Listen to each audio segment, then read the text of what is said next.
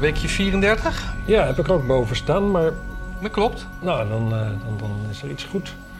Ik heb als eerste een nieuwtje. Weet, je, weet je hoe is jouw, heb je meegekregen hoe het nieuwe paard van Beatrix heet? Nee? Beatrix heeft een nieuw paard. Ja, ja, ja, dat heb ik gehoord. Dat is eh, shocking. Ja, Namelijk. soort van.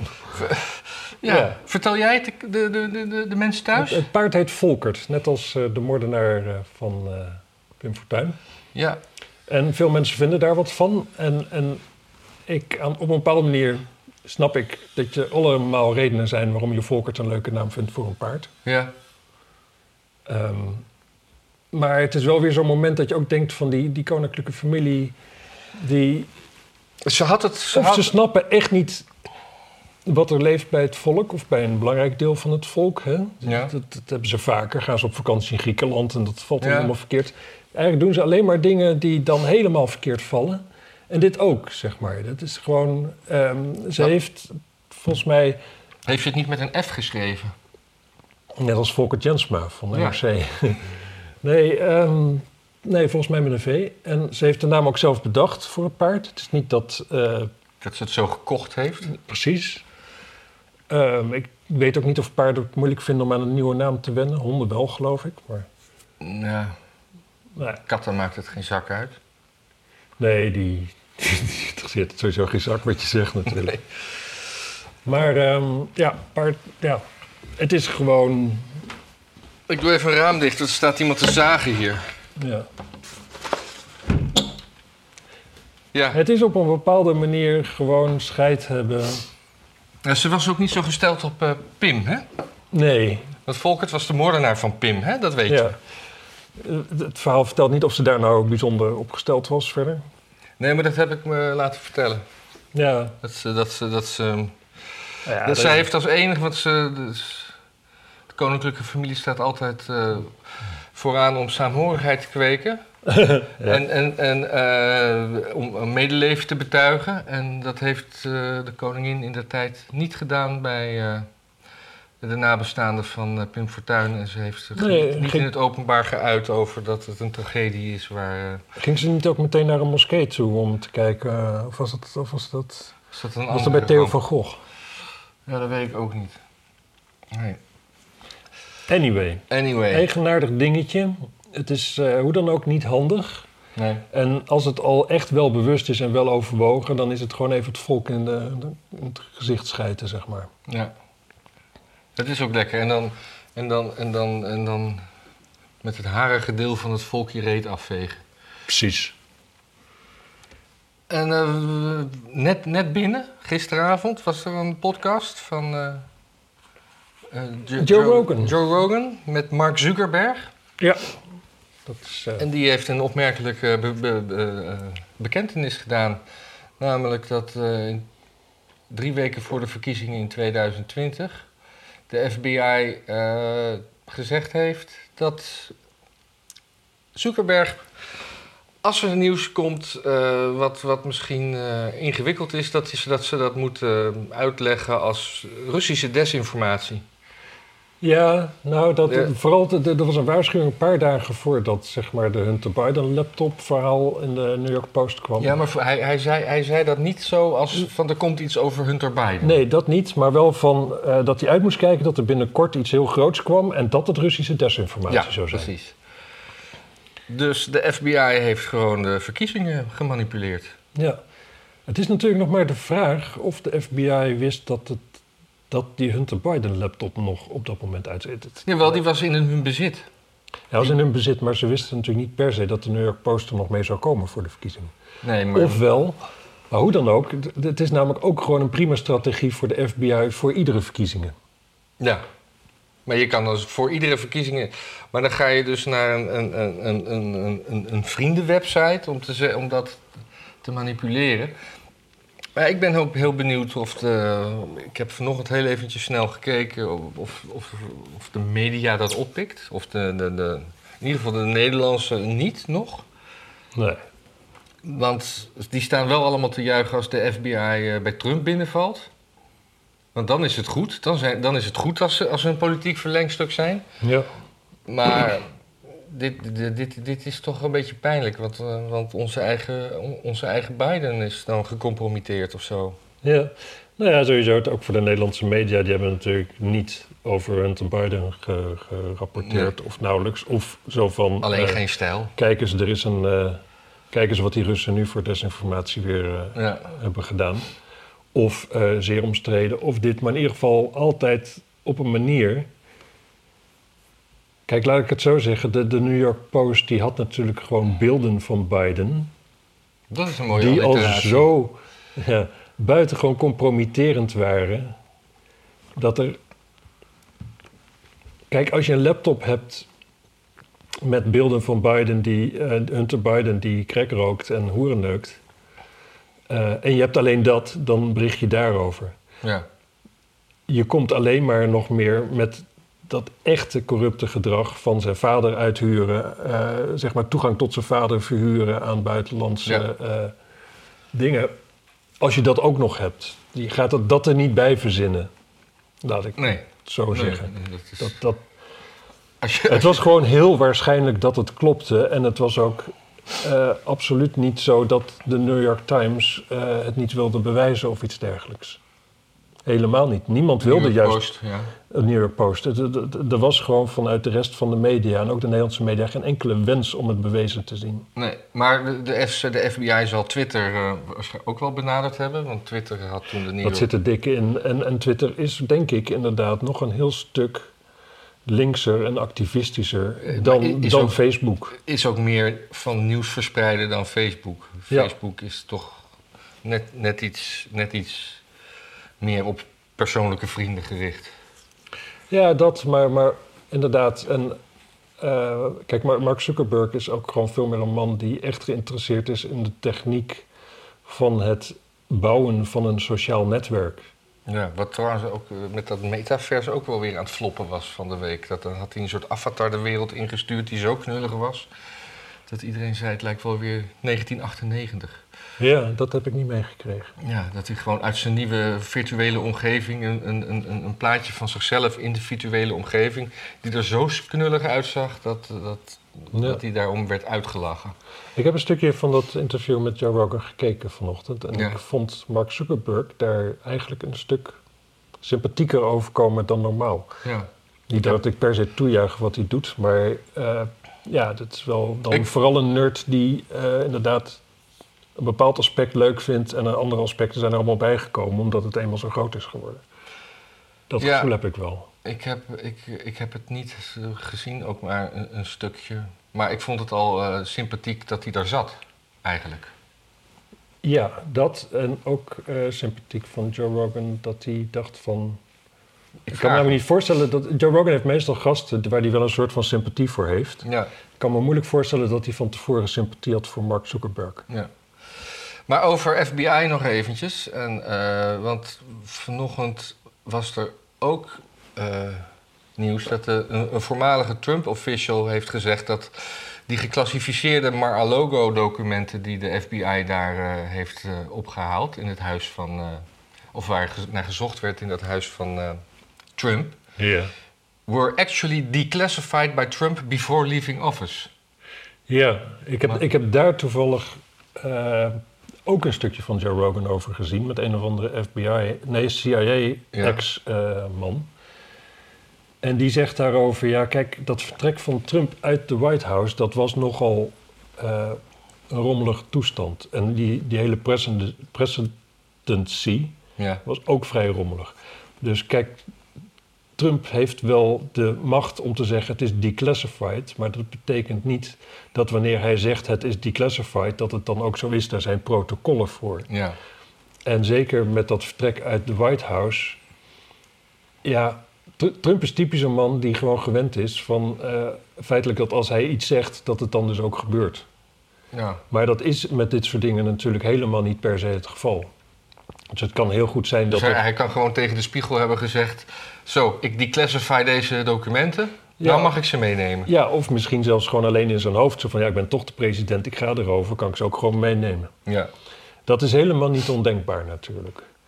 En, eh, en wat er waarschijnlijk gewoon aan de hand is, is dat hij wat dingen heeft meegenomen... die misschien inderdaad nog wel een soort van classified zijn... Maar die zijn dan weer ook niet zo erg dat er, dat er een rechtszaak over gevoerd kan worden. Nee. Want de kans is natuurlijk... Kijk, hij heeft ook gewoon ruimschoots de kans gekregen om het in te leveren.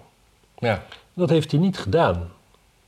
En het is ook Nee, moeilijk maar- denkbaar wat hij ermee moet verder. Behalve dan dus ja, het op de spits drijven. En eh, Ja, wat, waarom zou hij die dingen mee hebben genomen überhaupt? Inderdaad, en wat moet je ermee?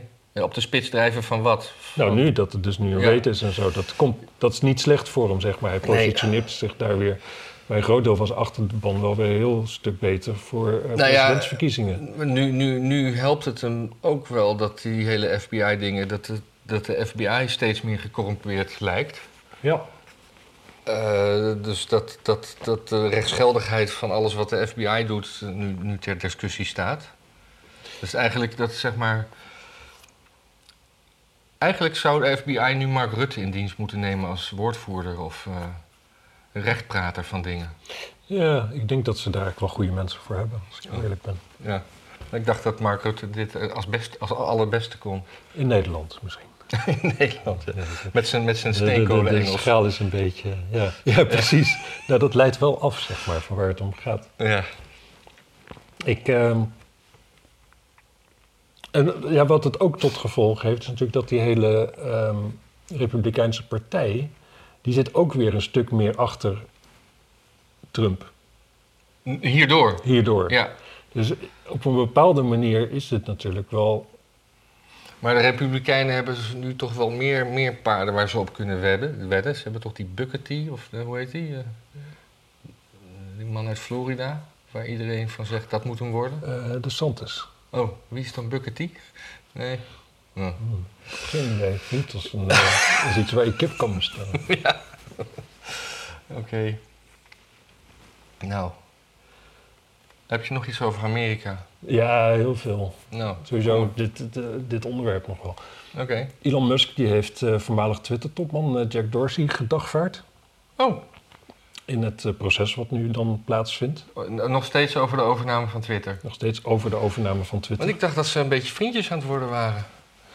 Dat, dat, Nou ze, ja, dat ze le- leuk op elkaar reageerden op Twitter en zo. Met, Ja, Jack Dorsey en Elon Musk, jawel. ja. Maar dan kun je elkaar... Dagvaarden is ook niet eh, iets anders dan doodschieten. Nee, maar ja. Dat is gewoon voor de rechter dat hij dan ook even gewoon eh, moet zeggen hoe het zit. Oh, ja, ja, ja. Dan kun je, dat kun je bij mensen doen waar je op goede voet mee bent. Ja, ja, maar ik, ik zou dat dan toch als kwaad bloed zien. Maar ja, misschien in de zakenwereld niet, maar ik zie... Nou ja, de, de kans is, is, is helemaal gewoon beslist aanwezig natuurlijk. Dat Jack Dorsey weg is gegaan bij Twitter. En nu ook een Twitter ziet ontstaan waar hij helemaal niet blij mee is. Ja, ja, en waarschijnlijk ook allemaal dingen heeft moeten ondertekenen. Zodat hij zich er niet meer mee bemoeit in het openbaar en weet ik veel wat. En dan kun je hem dagvaarden. En dan, En dan kan de rechter zeggen, nou dat moet toch. ja, Zeg, zeg het maar. dat je je non-disclosure dinges door de rechter eh, kan omzeilen. Ja, precies. Ik, eh, Ja. ik denk niet dat Jack Dorsey dit heel naar vindt. Ik kan me ergens ook wel voorstellen dat hij misschien wel zit te popelen om... eh, ja, nee, zo had ik het nog niet gezien. Eh, goed, goed. Ja, andere blik eh, op de dingen. Ja, ik Ja. doe wat ik kan. Super belangrijk dingetje van de week. Ja, waar? Oh, wacht even, ik heb nog een Amerika-dingetje. Misschien trouwens nog wel meer, maar die kan ik nu niet zo 1, 2, 3 zien. In Minneapolis worden blanke docenten eerder ontslagen dan mensen van kleur. Hm. Dat is de nieuwe wet. Want er moeten meer donkere docenten zijn. Ja, Want of je goed kan lesgeven, ja. is een kwestie van huidskleur Ja, natuurlijk. ik vind ook dat eh, niet alleen, ze moeten niet alleen van kleur zijn, maar, maar ook genderdiffuus. Het liefst. Want het is En gehandicapt. en gehandicapt. Want je wilt toch niet, je wilt toch niet dat er een vrouw voor de klas staat? Nee, Nee, dat, dat is. Dat, daar, neemt, daar gelooft niemand dat van. gelooft niemand. Nee, nou kijk, weet je, er zit wel iets in dat ik snap. Kijk, al die dingen die dan nu in één keer een afspiegeling moeten zijn van de maatschappij. Ja, Ja. het is natuurlijk de manier waarop vooral wat, wat, wat dramatisch is. Maar, eh, ja, dat, dat, er, dat, dat met name zo'n zo'n lerarenkorps, dat, daar, dat dat niet roomblank is. En eh, dat, dat, ik snap wel dat dat te prefereren is. Dat daar, Ja. eh, Maar, maar wo- worden die blanke mensen ook met reden ontslagen? Of worden die gewoon afgevloeid en worden, worden er dan nieuwe kleurtjes aangenomen? Nou ja, kijk, van oudsher was de regel... eh, degene die er het laatste bij kwam, die wordt ook als eerste ontslagen. Dat is Ja. eigenlijk altijd overal de regel. En die heeft nu plaatsgemaakt van... eh, dan- Degene die, die, die de, de die als laatste, kleur heeft? Die er het als laatste bij kwam als blanke, die gaat denk ik het eerst nu. Ja, ja, ja. En eh, ja, dat is natuurlijk heel erg. Zo kun je, zo kun je hele goede, getalenteerde docenten gewoon kwijtraken. ja. Ehm, ja, dat is. eh, Ja, op, op, maar dat was natuurlijk vroeger ergens ook al wel zo. Maar er is in ieder geval niet getalenteerde docenten van kleur. Daar kom je in ieder geval niet meer Denk vanaf. je dat we hier in Nederland ook last van hebben of gaan krijgen? Ik weet het niet. Het is ergens zo potsierlijk dat je je verwacht dat het ook wel weer een keer overwaait natuurlijk. Ja. Aan de andere kant Kijk, want in het, in het basisonderwijs is het, is het sowieso de norm dat je pas vanaf groep 7, 8 een, een, een man voor de klas kan verwachten. Daar, daaronder zijn het bijna altijd vrouwen. Hmm. Het, is, het- het is een zeldzaamheid als je een. eh, 7, 8, dat is, dat is Dus- na de kleuterklas. Nee, groep 7, 8, dat is le- de, dus de leeftijd tussen de 10 en 12. Oh ja. En daar, de, de, de, de onderbouw heeft altijd eh, van oudsher, de, de, de kleuterklassen zijn doorgaans juffen. Ja. Ik bedoel, er zijn uitzonderingen natuurlijk. Ik moet heel eerlijk zeggen dat, dat bij al te jonge kinderen de opvang daarvan... zou ik ook niet graag een man voor hebben. Nee, Zeker babyopvang en zo, dat, dat wantrouw ik hoor, als mannen daar geschikt voor zijn. Ik, ik, nee daar is ook toch wel een, een, Ja, leuke niet- zaak van geweest, ergens in Amsterdam bij een... eh, ja, ja. ja, precies. Ik moet, ja, ik heb geen kinderen, ik kan me daar dus misschien ook niet helemaal in verplaatsen. Maar mijn kinderen, die gaan, als ze naar een opvang gaan, eentje met alleen maar vrouwen. En misschien ook nog wel bij voorkeur vrouwen.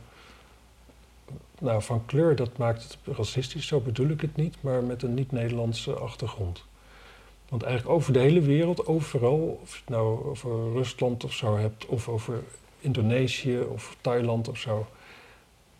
Kinderen die je zo om je heen ziet, die lijken het een stuk meer naar hun zin te hebben. Die zetten veel meer, die, die ouders die zijn en gewoon veel alerter, ja, die moeders in ieder geval, en die, eh, en die weten Ja. ook gelijk, zo nu en dan, dan heb je een kindje wat een beetje op, op, Ik op huilen het. staat en wordt meteen even gepakt en het is gelijk. Ja.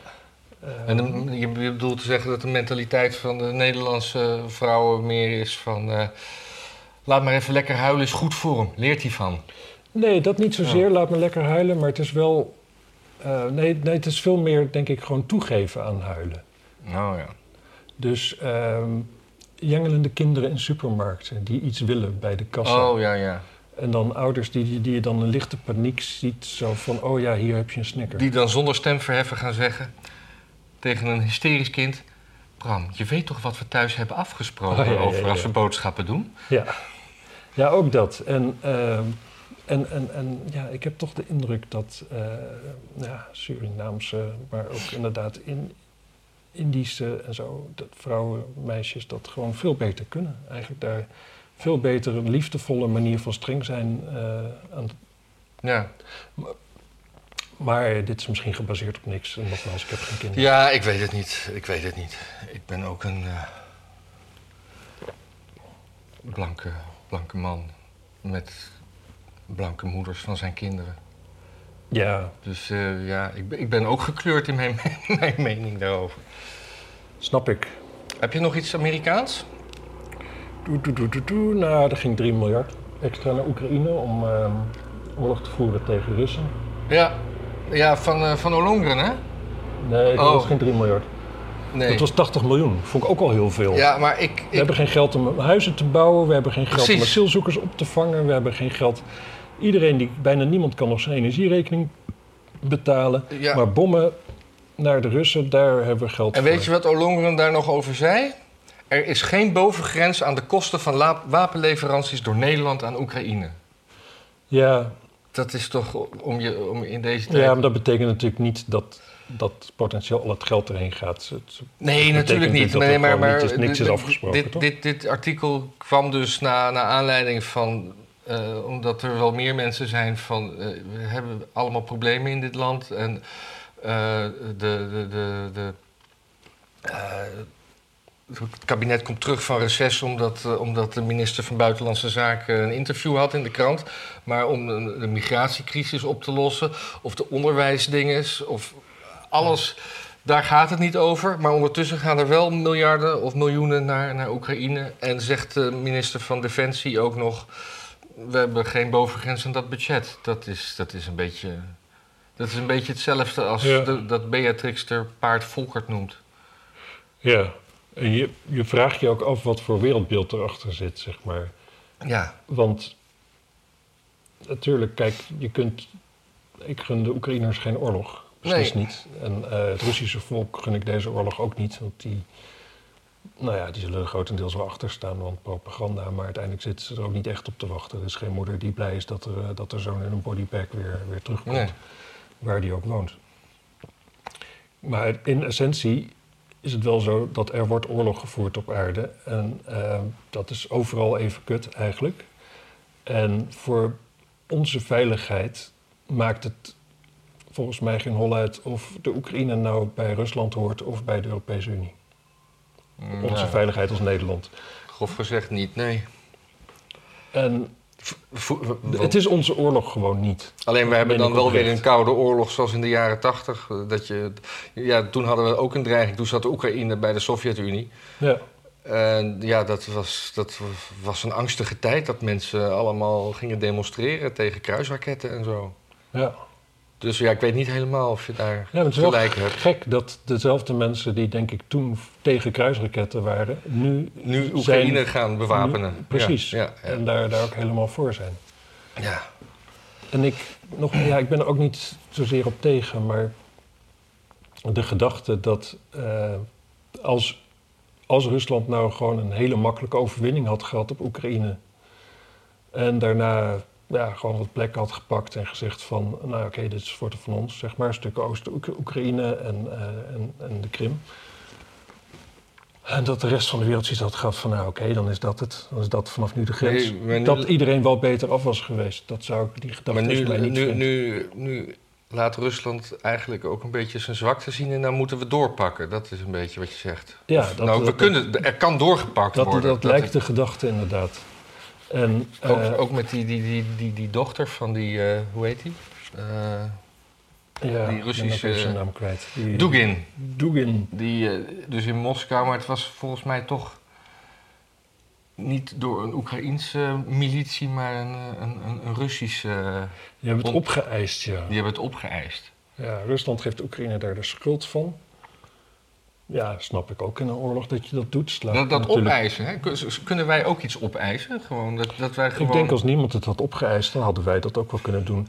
Maar er- gaan wel heel veel verhalen op dat het misschien niet eens realistisch is. Want die club, of die überhaupt bestaat, is eigenlijk maar Ja. is onduidelijk. Maar het is nog altijd waarschijnlijker dan dat wij het zouden hebben gedaan, denk ik. Ja. Misschien Vooral ook omdat we geen middelen hebben en geen visum kunnen krijgen voor Rusland en zo. En de grensbewaking volgens mij best wel prima is nu. Ja. Ik wil ook. Ik, ik, wil ook en aantoonbaar in. Nederland waren. Ik wil ook gewoon. Ja, maar we, we kunnen toch dingen aansturen? Wij, wij gaan natuurlijk zelf geen vieze handen maken. Ja, ja dat is eh, niet uitgesloten. Maar goed, dan zijn we te laat. Het was wel een mooi meisje trouwens, volgens mij. Zag ik op die foto. Dat, dat vind ik eigenlijk al heel erg. Nou ja, het, het was niet. Het was geen onknap meisje, maar ja. Maar ook dood. Laten we dat ook niet. dood. En, het, eh, en ja, ik, ik verplaats me dan toch ook weer in, in, in, in, in, in de man die ook vader is. En die, die je daar een beetje over straat ziet lopen. En zijn dochter overal in vlammen. En eh, dat wrak. Want hij, hij, hij, hij, liep net weg toen die auto ontplofte, geloof ik. Hm. Dat, dat wordt voor mij dan ook heel plastisch. Ik Dat is ook onvoorstelbaar inderdaad. Ja, dan kan je, kan je nog zo'n eh, lul genoemd worden, maar dat gun ik toch ook weer niemand. Dan had ik hem er liever naast hebben gezeten, hebbend. Ja. Ja, ik geloof niet dat dat zijn reactie was. Nee. Zijn reactie was liever zij dan ik? Eh, nou ja, Ja. vol- volgens mij was het meer dat hij toch wel ehm, zijn verheugdheid uitsprak over het feit dat de aanslag mislukt was wat hem betreft. Oh ja, echt? Maar misschien heb ik dat ook Maar, verkeerd. maar eh, niet in zulke kille berekenende woorden, denk ik dan. Hoewel ik de, de Russische temperament ook niet helemaal kan duiden, natuurlijk. Nee, en ik ook niet. Ik denk vrijwel niemand. Oh ja, extra geld naar Kiev, die kan weg. Zullen we het eventjes, want we hadden het al ook eventjes over, even over het binnenland, over dat Kaag ziek was en dat eh, Rutte, Rutte Wopke geen handje gaf tijdens het debat. En überhaupt, wat was dat voor een debat? Het ging over, Het was een debat wat wel helemaal in het honderd liep omdat Kaag ziek was, laat ik Ja. het zo zeggen. Want Kaag die had natuurlijk... Er was gelekt uit de gemeenteraad, dat, nee, uit, uit de, de, de, de ministerraad, dat Kaag feitelijk het vertrouwen in Hoekstra heeft opgezegd daar. dus Kaag was een speel in dit eh, debat. Dus, precies, en dit debat, als je dan een Wilders eh, haar laat treiteren, en dat kan niet goed, Ja, want, want Kaag ervaart het bestaan van Wilders al als treiteren aan haar adres. ja. En, en je agiteert er, dan kan ze dat maar zo gaan toegeven dat ze dat heeft gezegd. En dan is de facto het kabinet. Eh, eh, in gevaar, ja. nou ja, in gevaar. Dan is het feitelijk gewoon. Ja, dan, dan moeten ze. is dit, is Dan dit, moet er eigenlijk. Dan, dan heeft D66 nauwelijks nog een andere keuze dan een motie van afkeuring tegen eh, Hoekstra te steunen. Ja. Maar dat is dus eigenlijk het ziekmelden van Kaag is eigenlijk ook een soort Rutte-doctrine. Zijn red- redding van het kabinet in ieder geval. Ja. Eh, ja, dan kun je afvragen, was ze echt ziek? Nou, ze ging er in ieder geval mee naar het ziekenhuis. ja. Maar ja, daar is, ze- was, was even later ook weer weg. Jij en ik kunnen ook naar het ziekenhuis. Je naar de eerste hulp gaat en je zegt van ja, ik kan nauwelijks ademhalen. En je wordt een beetje, dan, ja, dan ga je ook wel met een arts mee. En luistert een beetje naar je longen. En die zegt van nou, klinkt, klinkt anders allemaal wel normaal. Nou weet je wat, we zien het nog even aan. Dat is dan de laatste zin en dan ga je weer naar huis. ja. Ehm, is zij in staat om dat te faken? Dat is de vraag. Ik, Ja, ze, zij is ze volgens heeft- mij wel buitengewoon rechtlijnig. ja, maar er zal, er zal geen cameraploeg bij het ziekenhuis hebben gestaan om haar eh, naar binnen te zien gaan. Ze zal er geweest zijn, dus ze, ze heeft geen toneelstukje op hoeven voeren, anders dan zich ziek te, te, te melden. Nee, dat klopt. Maar je hebt natuurlijk wel te maken met artsen die daar werken. En die hebben wel een soort van dinges. Maar weet je, die, die zitten ook met kerst aan tafel met de hele familie. En die gaan op een gegeven moment ook wel een keer... gaat iemand zeggen van, nou ja, die was er toen. Maar nou, ik zou niet weten wat er mee aan de hand is geweest hoor. Want eh, Ja, gezonder dan jij en ik waarschijnlijk. ja. Dus nou ja, ik weet dat niet. Maar goed, het, het, het ging dus over het, Het kwam in ieder geval uit stikstofbeleid. op een manier. Het, het ging over het stikstofbeleid. Ja. Toen vroeg ik me ook af, dat stikstof, dat, dat is zoiets ongrijpbaars. Dat is iets wat wij gewone mensen niet kunnen zien. Ze hebben het er de hele tijd over. Er is een probleem waarvan wij niet kunnen inschatten wat het probleem precies is, behalve aannemen wat mensen die er verstand van hebben erover zeggen. Ja, En, en een beetje algemene kennis die je op school hebt gehad. Maar het maakt het zulke. En ondertussen zie je wel met die migratiestromen en dat al die mensen die, die, die asielzoekers buiten slapen en vechten en dingen. Dat zijn problemen die vrij concreet zijn. Die snapt iedereen. ja. Ja, en stikstof, ja, voor zover wat ik weet van stikstof. Stikstof is gewoon, dat is pure vruchtbaarheid voor de grond. Ja, stikstof is N, toch? Of NO2 of eh, zo. Oh, dat weet ik niet. Dat weet ik niet. Ik heb scheikunde laten vallen. Dat had ik van een Ja. lerares, die heet eh, Magda Leenhouts.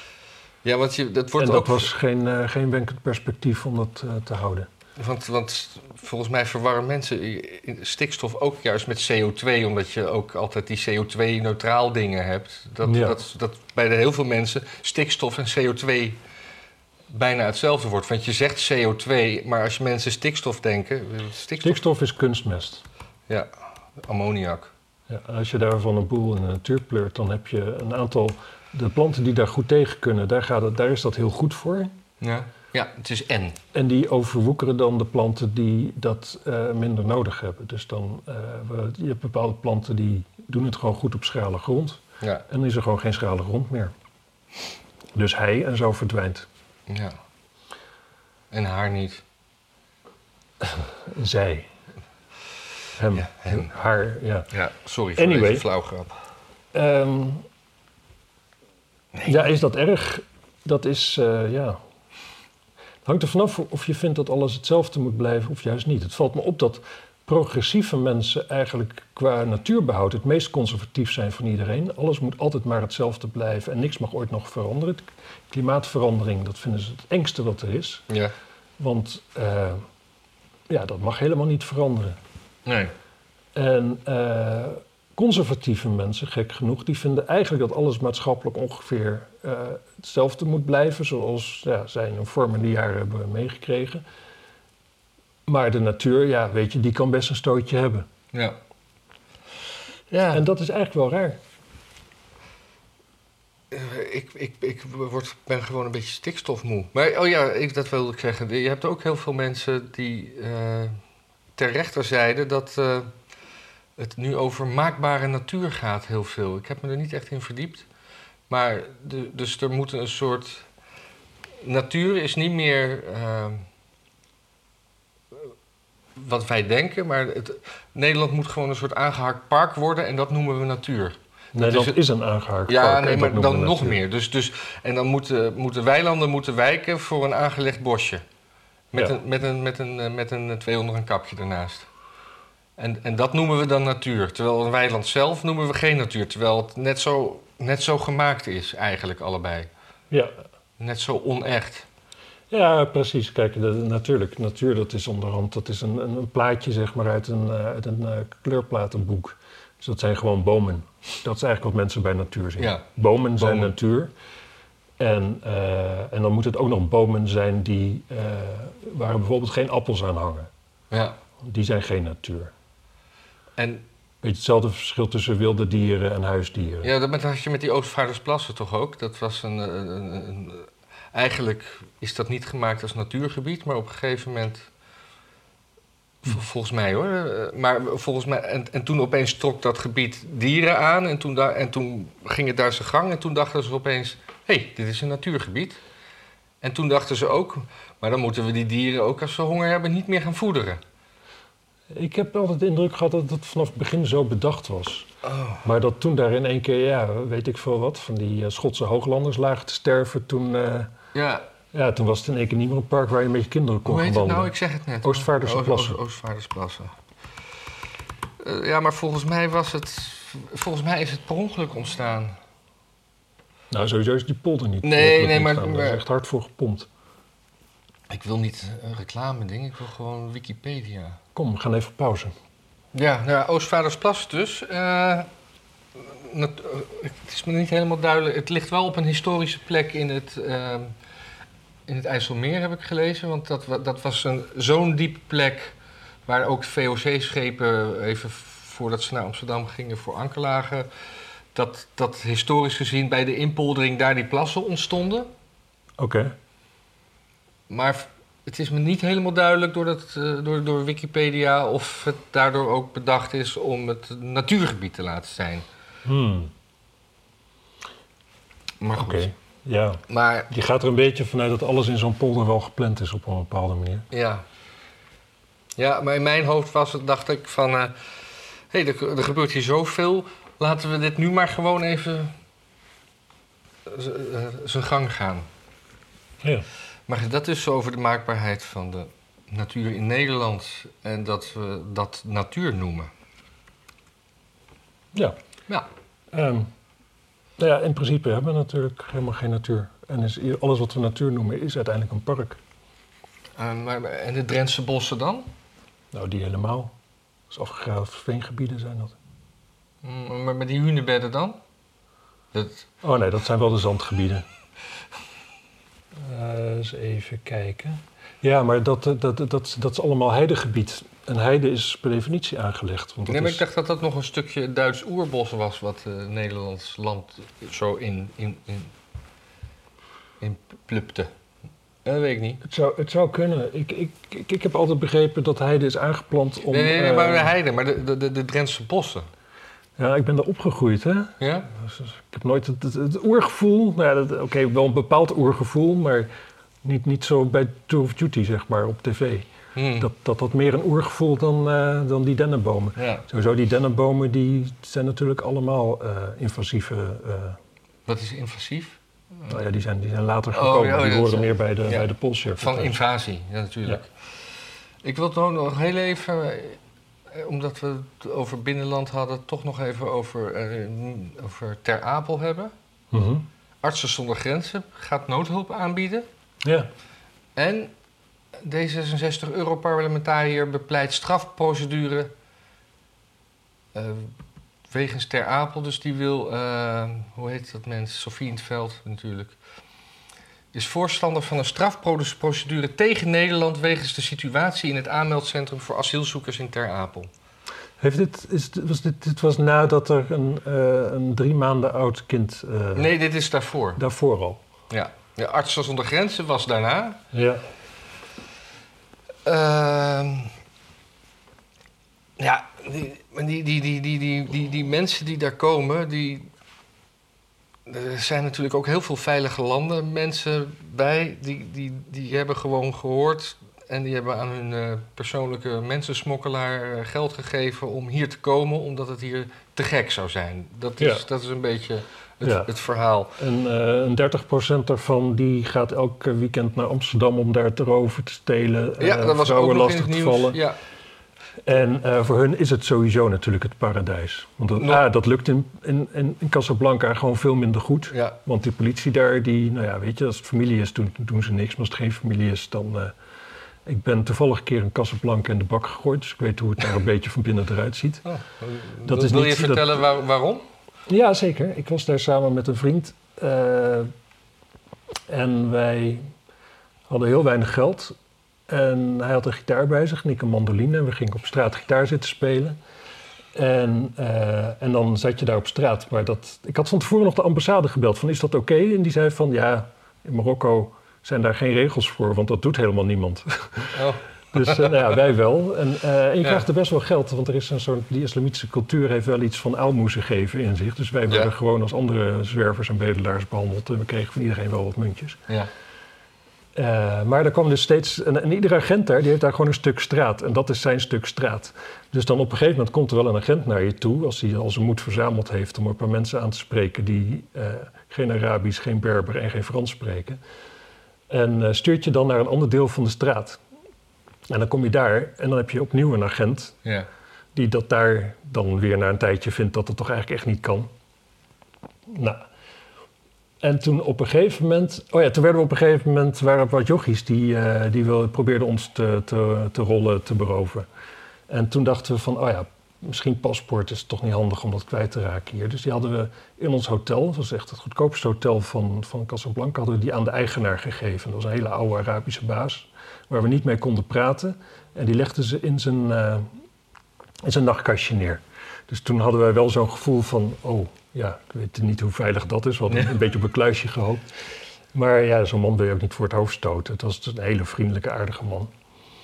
Dus eh, toen kwam er op een gegeven moment een soort van eh, arrestatiebusje, een zwart busje. Met wat agenten in burger die pasje lieten zien. En die vroegen naar ons paspoorten. En die hadden we dus niet bij ons.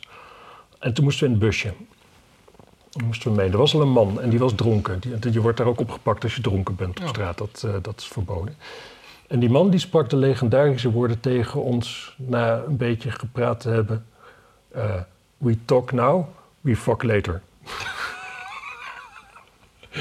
dus, eh, en toen kwamen we in een of andere bunker terecht. En die zat zo'n beetje half onder Een de grond. rukbunker. Ja, en dat was een soort voorportaal naar de gevangenis. En eh, daar twee lange betonnen banken. En je had wat mensen achter, achter betonnen schotten. Die zaten te- processen verbaal te typen. En dan kwamen we binnen en daar waren allemaal Marokkanen. Meestal dronken lappen en zo. En eh, veel ook wel met een redelijk westers georiënteerdheid. Want dronken en zo. Dus die, daar konden we wel mee praten. Maar dat was ook niet de bedoeling. Ja. En wat ze met ons aan moesten, wisten ze toen niet meer. Want het was wel vrij duidelijk, oké, we hadden geen paspoorten, maar ja, twee jongens uit Amsterdam die illegaal in Marokko zijn, dat is ook zo'n raar verhaal uiteindelijk. Ja. En uh, ja, er was ook nergens behoefte dat dan de ambassade ermee te maken zou krijgen. Dus wij zaten daar maar te wachten. Op een gegeven moment mocht er niemand meer naast ons zitten, want ze vonden niet dat we te gezellig met, uh, met mensen daar mochten babbelen. Ja, duurt het nog lang? Ja, zo nu en dan werd er eentje weggesleept. Die werd dan in elkaar gerost ergens. Dan hoorde je wat gekrijs en gedoe. Ja. Op een gegeven moment kwam er een lange man uh, in een groot driedelig pak. En die nam ons mee naar het hoofdbureau. En die zocht in de computer. En we hadden een dingetje ingevuld. Het is, een leuk verhaal. is het geen leuk verhaal? Ja, ja, ja, ja. helemaal. En uh, nou, toen bleken we dus te bestaan. Toen bestelde hij een taxi voor ons. Gingen we terug naar het hotel. Toen kwamen we terug in het hotel. En toen zei de eigenaar, uh, die zei dat niet, maar er was een jongetje daar, die sprak aardig Frans. En die zei van ja, de politie was ook nog een paar keer voor ons langs geweest. Want we hadden natuurlijk gezegd van we zitten daar in dat hotel, daar zijn onze paspoorten. Maar uh, die, om te vragen onze paspoorten. Maar dat is mooi niet gegeven hoor, die waren veilig bij hun. en dat, is, dat is het verhaal. Ja. het was geen luxe. Het was geen luxe. Dus, nou, de, dat was een zijdingetje voor het asielbeleid hier. Het is dus niet dat jij voor, voor je geluk naar, Casa, naar Casablanca gaat. Nou, ik vond het wel een leuke ervaring natuurlijk. Ja. Het heeft allemaal anekdotes opgeleverd die ik nu gewoon nog kan vertellen. Ja, dat is waar. Maar zo, zo bouwen zij ook aan uh, anekdotes, hè?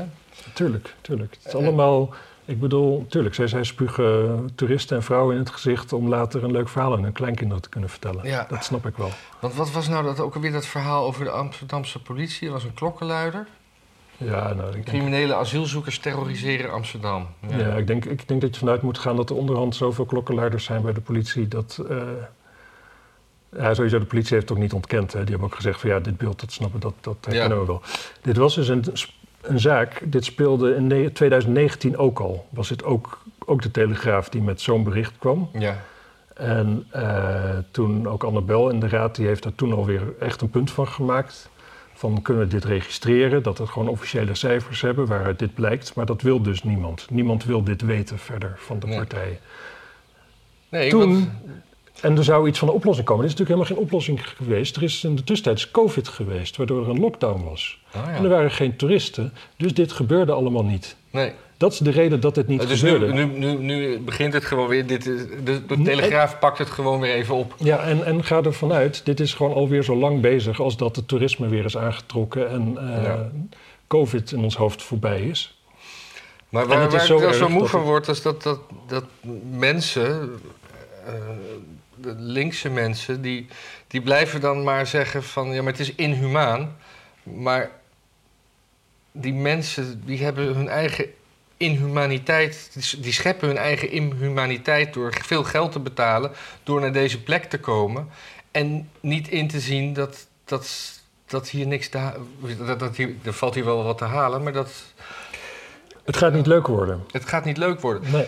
Dus, dus je, je, je, je kan dan wel zeggen van, maar we moeten die mensen helpen. En ze blijven dan ook altijd maar zeggen, de, de, de, de, de, de linkse welvoelende mensen, dat, dat, dat ze huis en haard hebben achtergelaten. Maar dat is, nou ja, ik, de cijfers verschillen, maar laten Het kost we... gewoon verschrikkelijk veel moeite om je aan te passen in een nieuwe cultuur. Het is namelijk gewoon niet jouw cultuur. En je vormende jaren heb je daar niet gehad. Dus het is allemaal nieuw, het is allemaal moeilijk.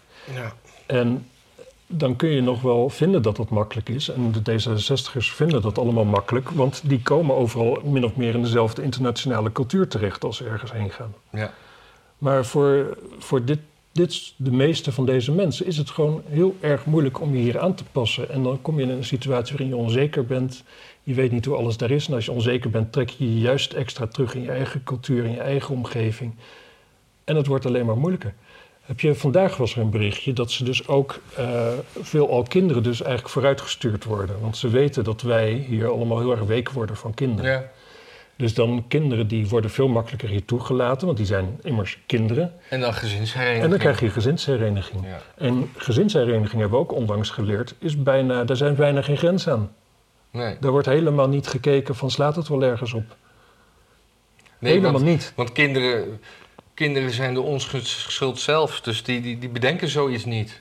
Nee, maar hun ja, ouders wel, dus. ja, maar ook, ook los daarvan, ook als jij als volwassene hier komt, gewoon gezinshereniging, wat daar allemaal mogelijk is, dat is dat, er Hmm. zijn bijna geen grenzen. Ja.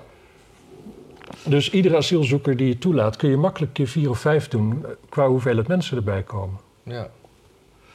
Ja, ik vind het niet leuk meer. Ik, ben, ik geloof dat ik inmiddels liever al een fascist genoemd word... dan dat ik vind dat we medemenselijk moeten zijn. Ja. Nou ja, het, het erge is ook dat je dus fascist genoemd wordt door de mensen die zeggen dat ze die mensen willen helpen. Terwijl het zo duidelijk is dat we die mensen helemaal niet helpen. Ja. En het zijn ook, ook altijd de mensen die vinden dat je sommige mensen tegen zichzelf moet beschermen. Nou, als je één, één groep mensen tegen zichzelf moet beschermen, dan zijn het wel mensen die uit zo'n totaal andere cultuur komen en denken dat ze het hier naar hun zin gaan krijgen. Want dat is ze beloofd. Ja, of, nou ja, kijk, het punt is, het leven daar is niet leuk. Maar, maar ze komen dus ook allemaal in Ter Apel. Terwijl dat is niet waar ze aan land komen. Normaal is een asielprocedure in het land waar je in Europa komt. Ja. En daar is dan ook een verdeelsleutel toegemaakt. Maar die mensen die komen dus allemaal al daar om, uit vrije wil, toch? Ze, ze, Ja. ze worden niet, ze komen niet in Lampedusa aan en, eh, eh, En blijven daar. en blijven daar. Nee, ze, ze zeggen of ze denken bij zichzelf: Nederland. Ja. Nou, er zijn gewoon een aantal dingen in Nederland die zijn gewoon het allerslechtste geregeld van heel Europa. Gewoon, je krijgt hier het meest. En er is het minste, minste kans eigenlijk om, eh, om afgewezen te worden. Ja. Dat, is, dat, dat is wel hoe het is. Het is wel een hele rare situatie onderhand. Kijk, dat, dat je een beetje naïef bent in je idealen, dat snap ik wel. Maar het is volstrekt onhoudbaar. Je moet je oog echt stijf dichtknijpen om te denken dat we goed bezig zijn. Ja. Dus hoe moeten we dit Of dat eindigen? we het kunnen. Gewoon, we kunnen, die, we kunnen die huizen niet bouwen waar die mensen in moeten wonen. Kunnen we niet. Maar, maar hoe Ook als we dit? alle boeren afschaffen. Gaat een, gaat een nieuw kabinet dit stoppen? Het gaat een Als keer stoppen. D66 en Het gaat een keer stoppen, omdat natuurlijk ook in de hele EU zeg Maar is het dan maar dat gaat laat? gewoon veel te traag. Ja. Ja, of het te laat is, dat weet je niet. Dat kun je pas heel lang achteraf je- zeggen natuurlijk. Mensen die er zijn kan je niet meer terugsturen. Ook al...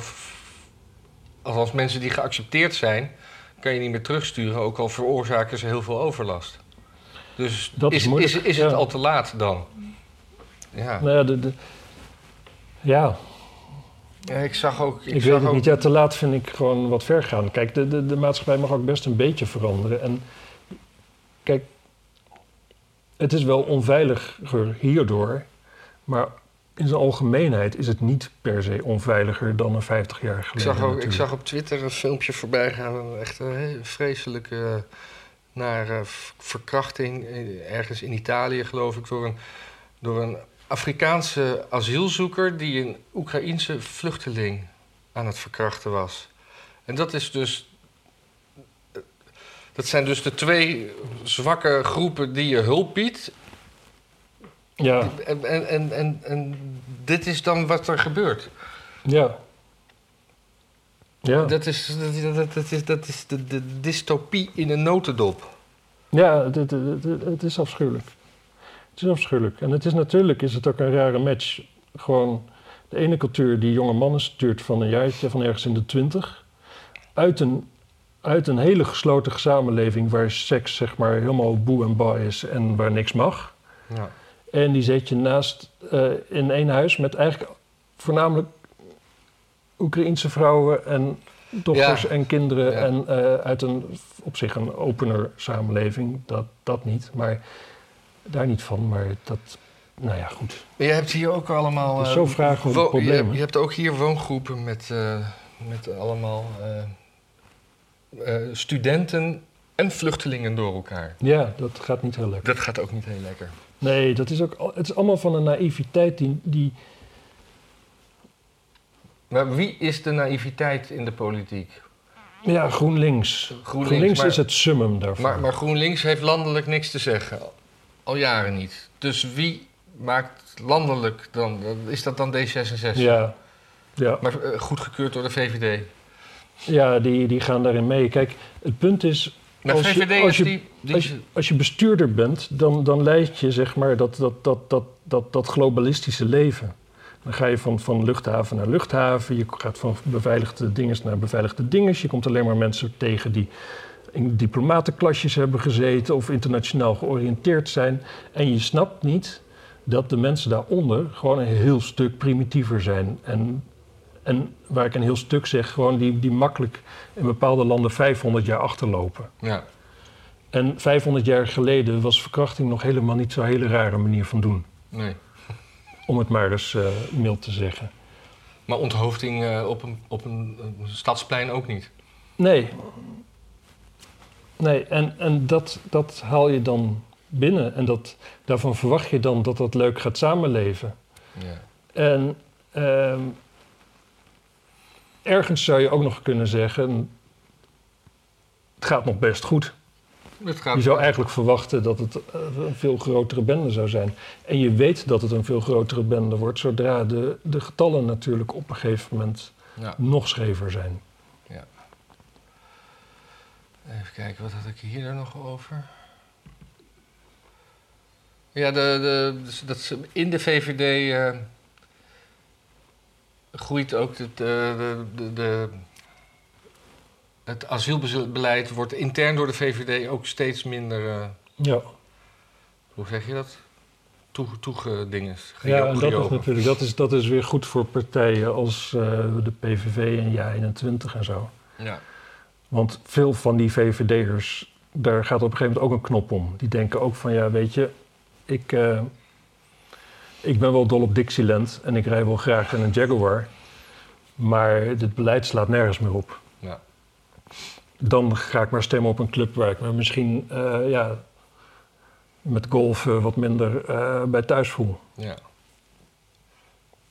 Ja, het, het schijnt ook dat dat een soort rare omslag is, hoorde ik eh Wierduk zeggen. Dat, dat jonge mensen die zeg maar, voor het eerst konden stemmen en D66 hebben gestemd, dat, dat, een, dat een best aanzienlijk deel daarvan nu inziet dat dat toch niet helemaal was wat zijn bedoeling. En dat die, dat, eh, dat die zeg maar, ook de overstap naar ja 21 of omzicht maken. Wat het natuurlijk best een rare overstap is.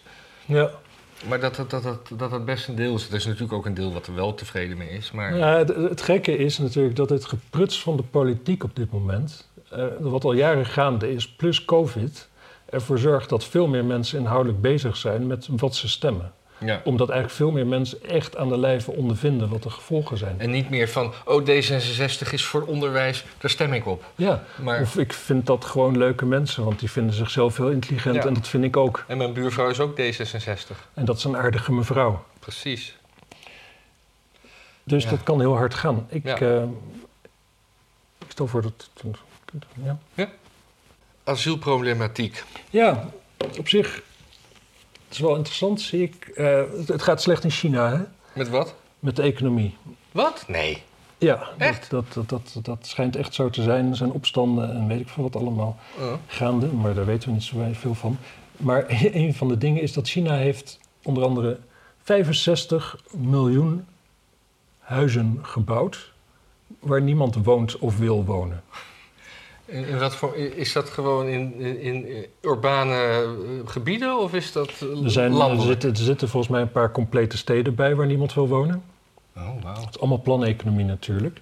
Maar dus de huizenbubbel in China is nu nog veel groter dan dat die ooit is geweest voor de vorige crisis in de VS. Hm. Dus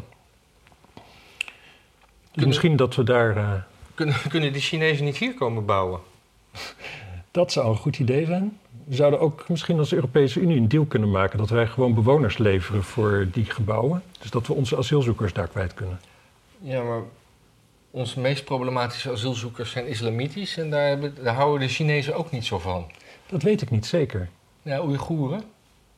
Nou ja, misschien houden ze daar wel van en daarom eh, nemen ze ze mee in dat proces om, het, om er Om ze te isoleren. Ja, nou, nou om, om ze, om ze ja, een, een, een leuker wereldbeeld te geven. Ja. Hm. Ja. Ehm, En, eh en Fauci heeft ontslag genomen van al zijn functies.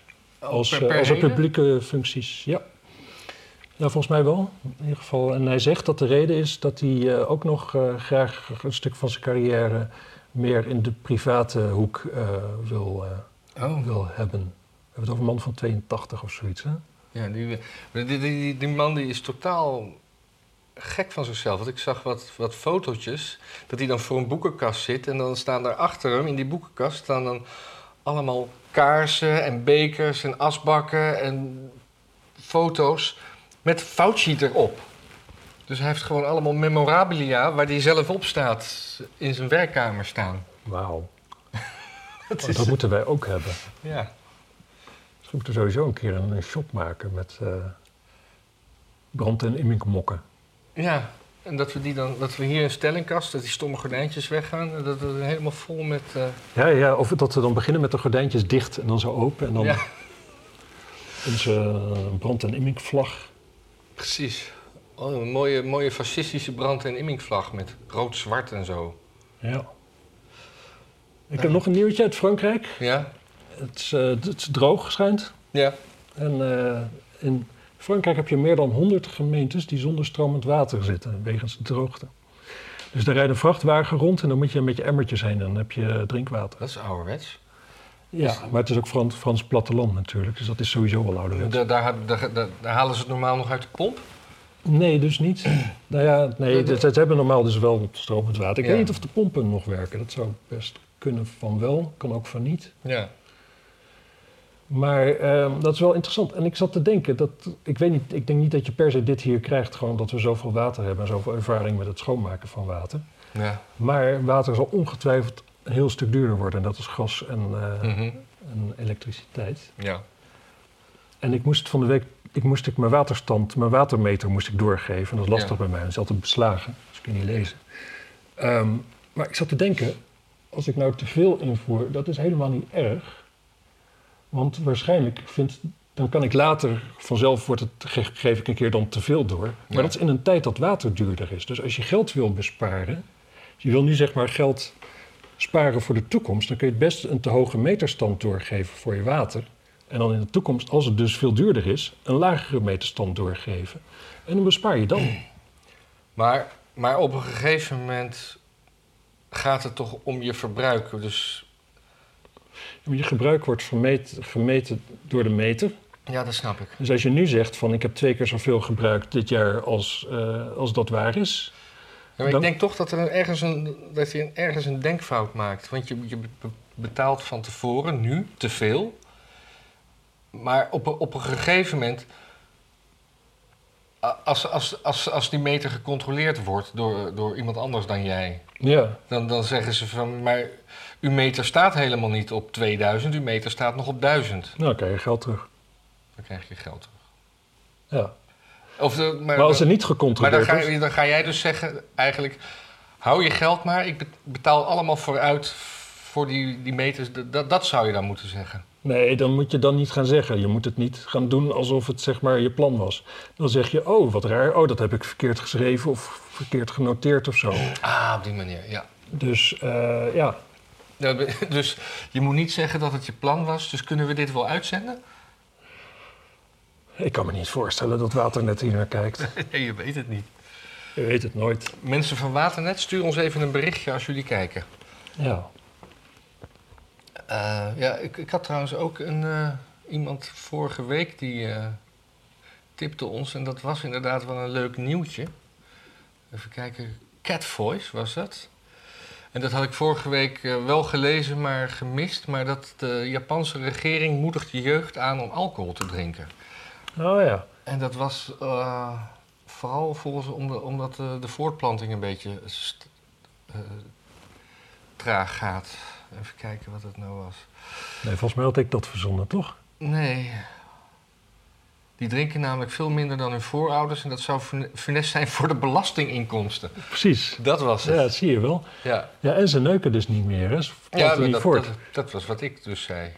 Dat de voortplant, ik dacht dat het Ja, was dat- om de voortplanting. eh. Ja, precies. Maar volgens mij heb ik dat toen daaronder gezegd, namelijk. Ah, oké.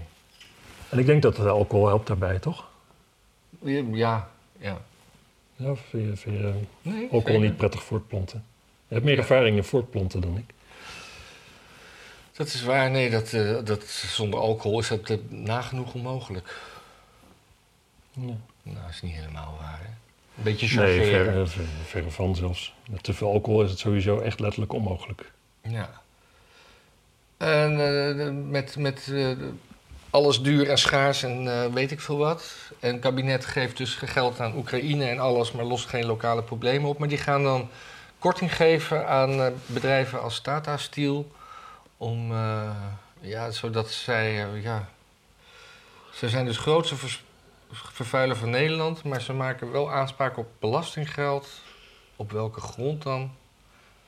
Ja. Ja, ze gebruiken gewoon energie, daar betalen ze relatief veel belasting over. Maar het is India's bedrijf natuurlijk. Als het hier te duur wordt, dan gaan ze weg. ja, maar dan kan het toch gewoon weer hoogovens worden? Ja, ik, ik, ik weet niet... Ze nemen dan toch niet Kijk, het, eh, het, dat het- gebouw laat ik het mee? zo zeggen, het beleid van de afgelopen jaren is niet gericht op zelfvoorzienendheid, zal ik maar zeggen. Zeker niet als de helft van de boeren weg moet, dan kun je dat moeilijk beweren. Dus onze industrie Normaal is... gesproken zou er wel iets voor te zeggen zijn dat je in je land nog iets houdt waar je staal kan maken. Ja, Zelf staalproducerend zijn is natuurlijk ja, iets, iets waar, waar- wat je... ja. Ik zou ook wel eens een zelfproducerend staalpersoon willen zijn in mijn huis. Maar goed, dat is niet zo. Maar ja, het is eigenaardig. Kijk, als, de- als- Steel verdwijnt bijvoorbeeld... dan kunnen mensen in eh, Beverwijk gewoon weer hun witte was buiten hangen... en dat het wit blijft. ja, Want het is echt... Het, het is wel, het is goor. die vervuiling is wel, nou, wel... Ja. Die is niet denkbeeldig, zal ik maar zeggen. Nee. De- Er is geen fantasie nodig om het eh, te bedenken. Anders dat laten we mensen uit Beverwijk in Groningen wonen. Oh, wacht. Ja. Eh, ja. Maar op zich, ja, op een bepaalde Nee, manier... korting, zegt- korting op belastingen ben ik eigenlijk nooit zo tegen Maar- waar- waarom hebben we al onze grote industrie... Unilever is volgens mij niet Nederlands meer. Shell is niet Nederlands meer. Hoogovens hebben we niet meer. De Nederlandse pers is allemaal in handen van de Belgen. Eh, Fokker is, is er niet meer. Fokker is er niet meer. KLM is van de Fransen. KLM is van de Fransen. We hebben alleen nog maar Albert Heijn en de Jumbo. Of mis ik nou nog iets, Ja. mensen? Dus we hebben alles, alles verkocht. Weer fokt. We're fucked. Nou, Ja, maar aan de andere kant, de enige conclusie die je eruit kan trekken... is dus dat, het glo- dat de globalisering een feit is. ja. Nou ja, Dat het die kant op gaat. de- de- omdat we alles verkocht hebben, moeten we wel globaliseren vanuit ons standpunt gezien. Nou ja, vroeger had natuurlijk een Indiaas bedrijf... kwam niet op het idee om een Nederlandse staalproducent te kopen. Nee. Dat, dat, dat soort verhoudingen bestonden niet. Die communicatiestromen waren er niet. Het kon simpelweg eigenlijk niet. nee. Dus in die zin is dat allemaal wel het gevolg van globalisering. Ja. Jij nog iets? Wel Ja, ik zag nog, een- nog een grappig economisch dingetje, wat echt wel volgens mij een veeg teken is. Ja. Pandjeshuizen en reparatiediensten die hebben het druk. Dus steeds meer mensen als iets stuk gaat laten repareren. En ook steeds vaker mensen die eh, aan het eind van de maand dingen niet kunnen betalen, gaan het dus in onderpand leveren Ja. ergens. En dan hopen ze dat de volgende maand weer te eh, corrigeren. ik dacht pandjes van, eh, maar onderpand. Onderpand, ja. De, de, hoe, heet heet, wat, hoe heette dat nou klassiek? Eh, Ja. De Robert, de Rombert, de, de, nee, de Lommert. de Lommert. Is dat zo? Is dat Ja, een ja. Dat, dat had ik niet. Ja. Dat, eh, wat, wat- ja, dus, er zat Dat is wel, zeg maar, dat is wel, nou ja, sowieso voor iedereen die van recycling houdt, is dat natuurlijk top, hè? Ja. Het is, het, ik, ik moet zeggen, een terugkeer naar dingen die lang meegaan, dat zou ik echt enorm toejuichen. Ja. Maar tegelijkertijd is het gewoon een heel slecht teken over hoe het gaat met, de, de, de, de, de huishoudbeurs van de gemiddelde ja. Rai. ja, inwoner van dit land. Ja.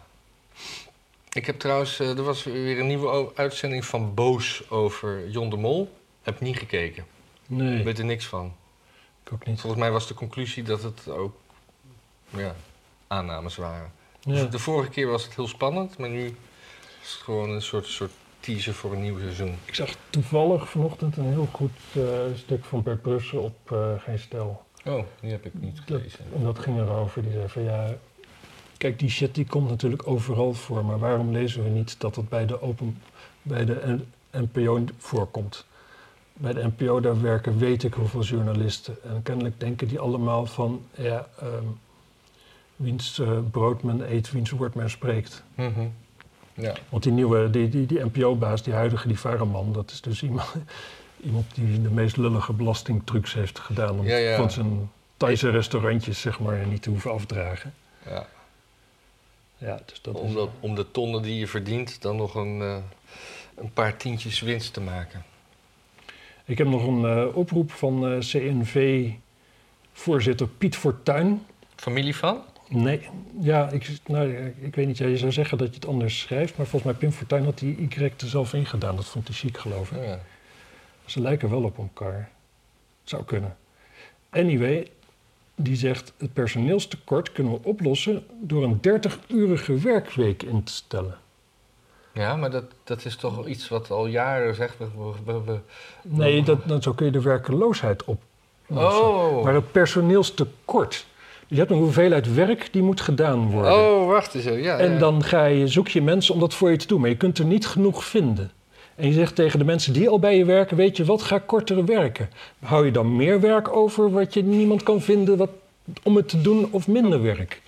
Ja, Dit is echt, dit is, Heeft dit die- is waanzinnig. ja en heb je ook een, gelezen waar het, eh, hoe die het onderbouwt, zeg maar? Nee, want dit is zo'n... Ik krijg nog altijd mailtjes van, van Blendel.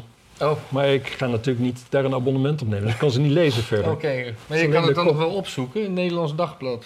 Hoe Ja. heet die Fortuin? Even kijken. Piet Fortuyn, Nederland Dagblad. Ja, we gaan niet live nu een artikel lezen. Ik had dat gewoon veel eerder moeten doen. Ja, oké. Sorry mensen, maar weet je, kijk, als dit de kop is, dan kan het niet anders dan dat het er ook gewoon in staat. Ja, ik- was benieuwd naar de Het is een Nederlands dagblad, dat zijn christenen, dat zijn conscientieuze mensen. Die gaan niet Oh, iets er- verzinnen. God komt met de oplossing. Ja, het is, het is, een, het is een waanzinnigheid. Ja. En dan, eh, ja, dan is nog mogelijk moet de rechtszaak van Peter R. de Vries over. Ja. En, eh, en de reden is dus dat de jongste rechter gaat emigreren. Ja. En, eh, en een van de redenen dus is, is, er is negen uur tijdsverschil met waar hij heen emigreert. Dus het is voor hem te zwaar om dat dan dus eventueel op afstand af te maken. Oh, ik had juist gelezen dat, dat eh, een rechter in Nederland moet wonen tijdens een zaak die die eh, dient. Dat- oh, ik dat had begreep in het parool dat, eh, dat het eventueel dus wel eh, op een Zoom-achtige of Teams... Hè, Ja, maar dat is dan de noodoplossing. Maar of Precies, maar dat, Ja. dat die mogelijk is. Ja, Maar dat negen uur tijdsverschil dat onmogelijk maakte. Ja. Dus hij gaat naar Amerika, Californië. Ja, Dat kunnen we dan wel zo'n beetje. Of hij gaat naar Japan. ja. Nou, daar ze de- geen Nederlandse rechters toe, denk ik. Nee. Maar, ehm, Zoals hij belooft heel veel ja, nee, te maar hij, hij, hij, hij, eh, die plannen om te emigreren... Wat zei je? Is iets belangrijks? Ja, nee, het, het- het is de jongste rechter, dus misschien als hij belooft heel veel te drinken... dat hij het eh, statistisch het gemiddelde omhoog mag halen daar. Nee, maar hij, hij wist al van tevoren dat, dat hij ging emigreren. Maar Ja. hij dacht nog wel klaar te, op tijd klaar te zijn. Ja. Maar toen kwam er opeens extra bewijsmateriaal en toen ging het proces allemaal langer duren. Ja, En dan wordt opeens alles meteen ongedaan gemaakt. Ik vind dat die man gewoon maar zijn, zijn emigratie even uit moet stellen. Waarom, waarom moet dat dan doorgaan? Hij kan toch zijn vrouw en kinderen sturen als hij die heeft? nou, hij zal daar een baan hebben natuurlijk waar hij aan moet beginnen. En, en inderdaad, je kunt wel, inderdaad dan ook wel zeggen van... als je een nieuwe baan hebt in een ander deel van de wereld... dan heb je niet de energie om nog s'nachts op te blijven om... eh, Nee. Maar als ik, als, Maar als ik, als dat- ik hun was, dan zou ik het zo doen. Dan zou ik zeggen van, oké, jij emigreert en jij, jij doet dat wel op afstand, hè? Ja, maar ik, ik- als je dat al zo krap plant dat je denkt van... oh, de uitspraak is dan eh, eh, eind juli en dan ga ik... Nou, nou, dan kan ik drie weken later kan ik verhuizen. Wanneer is in Nederland iets op tijd af? Ja, Wat overheid gerelateerd is. Zelden. ja. Dat is gewoon ijdele hoop. Nou ja, Het is, eh, het is niet best. het is niet best. Het is echt eh, inderdaad, na de- die opsomming van wat allemaal aan bedrijven niet meer Nederlands is... en wat we niet meer kunnen in dit land en wat we niet meer voor elkaar krijgen... dan kun je ook, dit is ook weer zo eentje, kunnen we dan helemaal niks meer. Nee. Onze eigen rechters behouden. Nee. Nee. Nou, ik heb nog één, één eh, kutbericht. Ah, dat is fijn. Dat iemand eh, had eh, een ziek jongetje. Ja, En, de, en dat was tijdens corona. En die heeft toen foto's gemaakt. En het jongetje had een, een soort ontsteking aan zijn geslacht. En de huisarts had gevraagd om daar wat foto's van te sturen. En die moeder maakte een foto. En toen heeft die vader, om, om wat, wat duidelijker zichtbaar te maken, dat piemeltje een beetje opgetild. Om die ontsteking te laten zien. Die man die maakt foto's op zijn telefoon met een Android in een Google-account. Daar zit een eh, automatisme op. Die man is geband voor pinder, kinderporno. En die krijgt zijn account en ook, dus ook zijn Gmail en al, alle shit nooit meer terug. Ja. Ja, en dan zijn er mensen bang dat we hier ook een soort van sociale beloningssysteem zullen krijgen. Ja. En Google heeft inmiddels wel erkend dat, eh, dat die man misschien onschuldig is, maar hij krijgt niet zijn account terug, heb ik ergens gelezen. Hoewel de politie geen strafbare feiten kon vinden, blijft Google bij zijn beslissing. Dat was het. Ja, Een woordvoerder stelt tegenover de New York Times dat de man nog steeds beschouwt als schuldig aan het bezit van kinderporno. het is krankzinnig. Ja. Dit is, dit is doodeng. Dit is by far het engste wat we vandaag besproken hebben eigenlijk. Ja. En daar kom je nu mee. Nu, nu we eigenlijk allebei geen zin meer hebben om nog langer, langer door te houden. ja misschien moeten we daar dan eh, een tekstje over doen. Ja. Ja. Of, of dat Nederlands geen bedrijven meer heeft. ja. Wij zijn van de week naar eh, Floriade geweest. En daar komt eh, vrij snel een filmpje van. Ja, ik denk dat ik die op dinsdag... ons eigen kanaal, waar u eh, zich op kunt abonneren. Dan komt u tegen. Dinsdag denk ik dat ik hem online gooi, dan is het lekker. Dat breekt het een weekje, beetje de week, hè? Ja, zeker. Ja. Nou, dus als u zich voor die tijd abonneert op ons kanaal, dan krijgt u ook een melding dan. Het is super interessant, Floriade. Ja, Dan weet u dat vast. En voor de rest, doneer alstublieft. en dan... Eh, ja, En eh, hoe lang, hoe lang zijn we bezig? Oh, ja. Nou, leuk. Dag. tot ziens.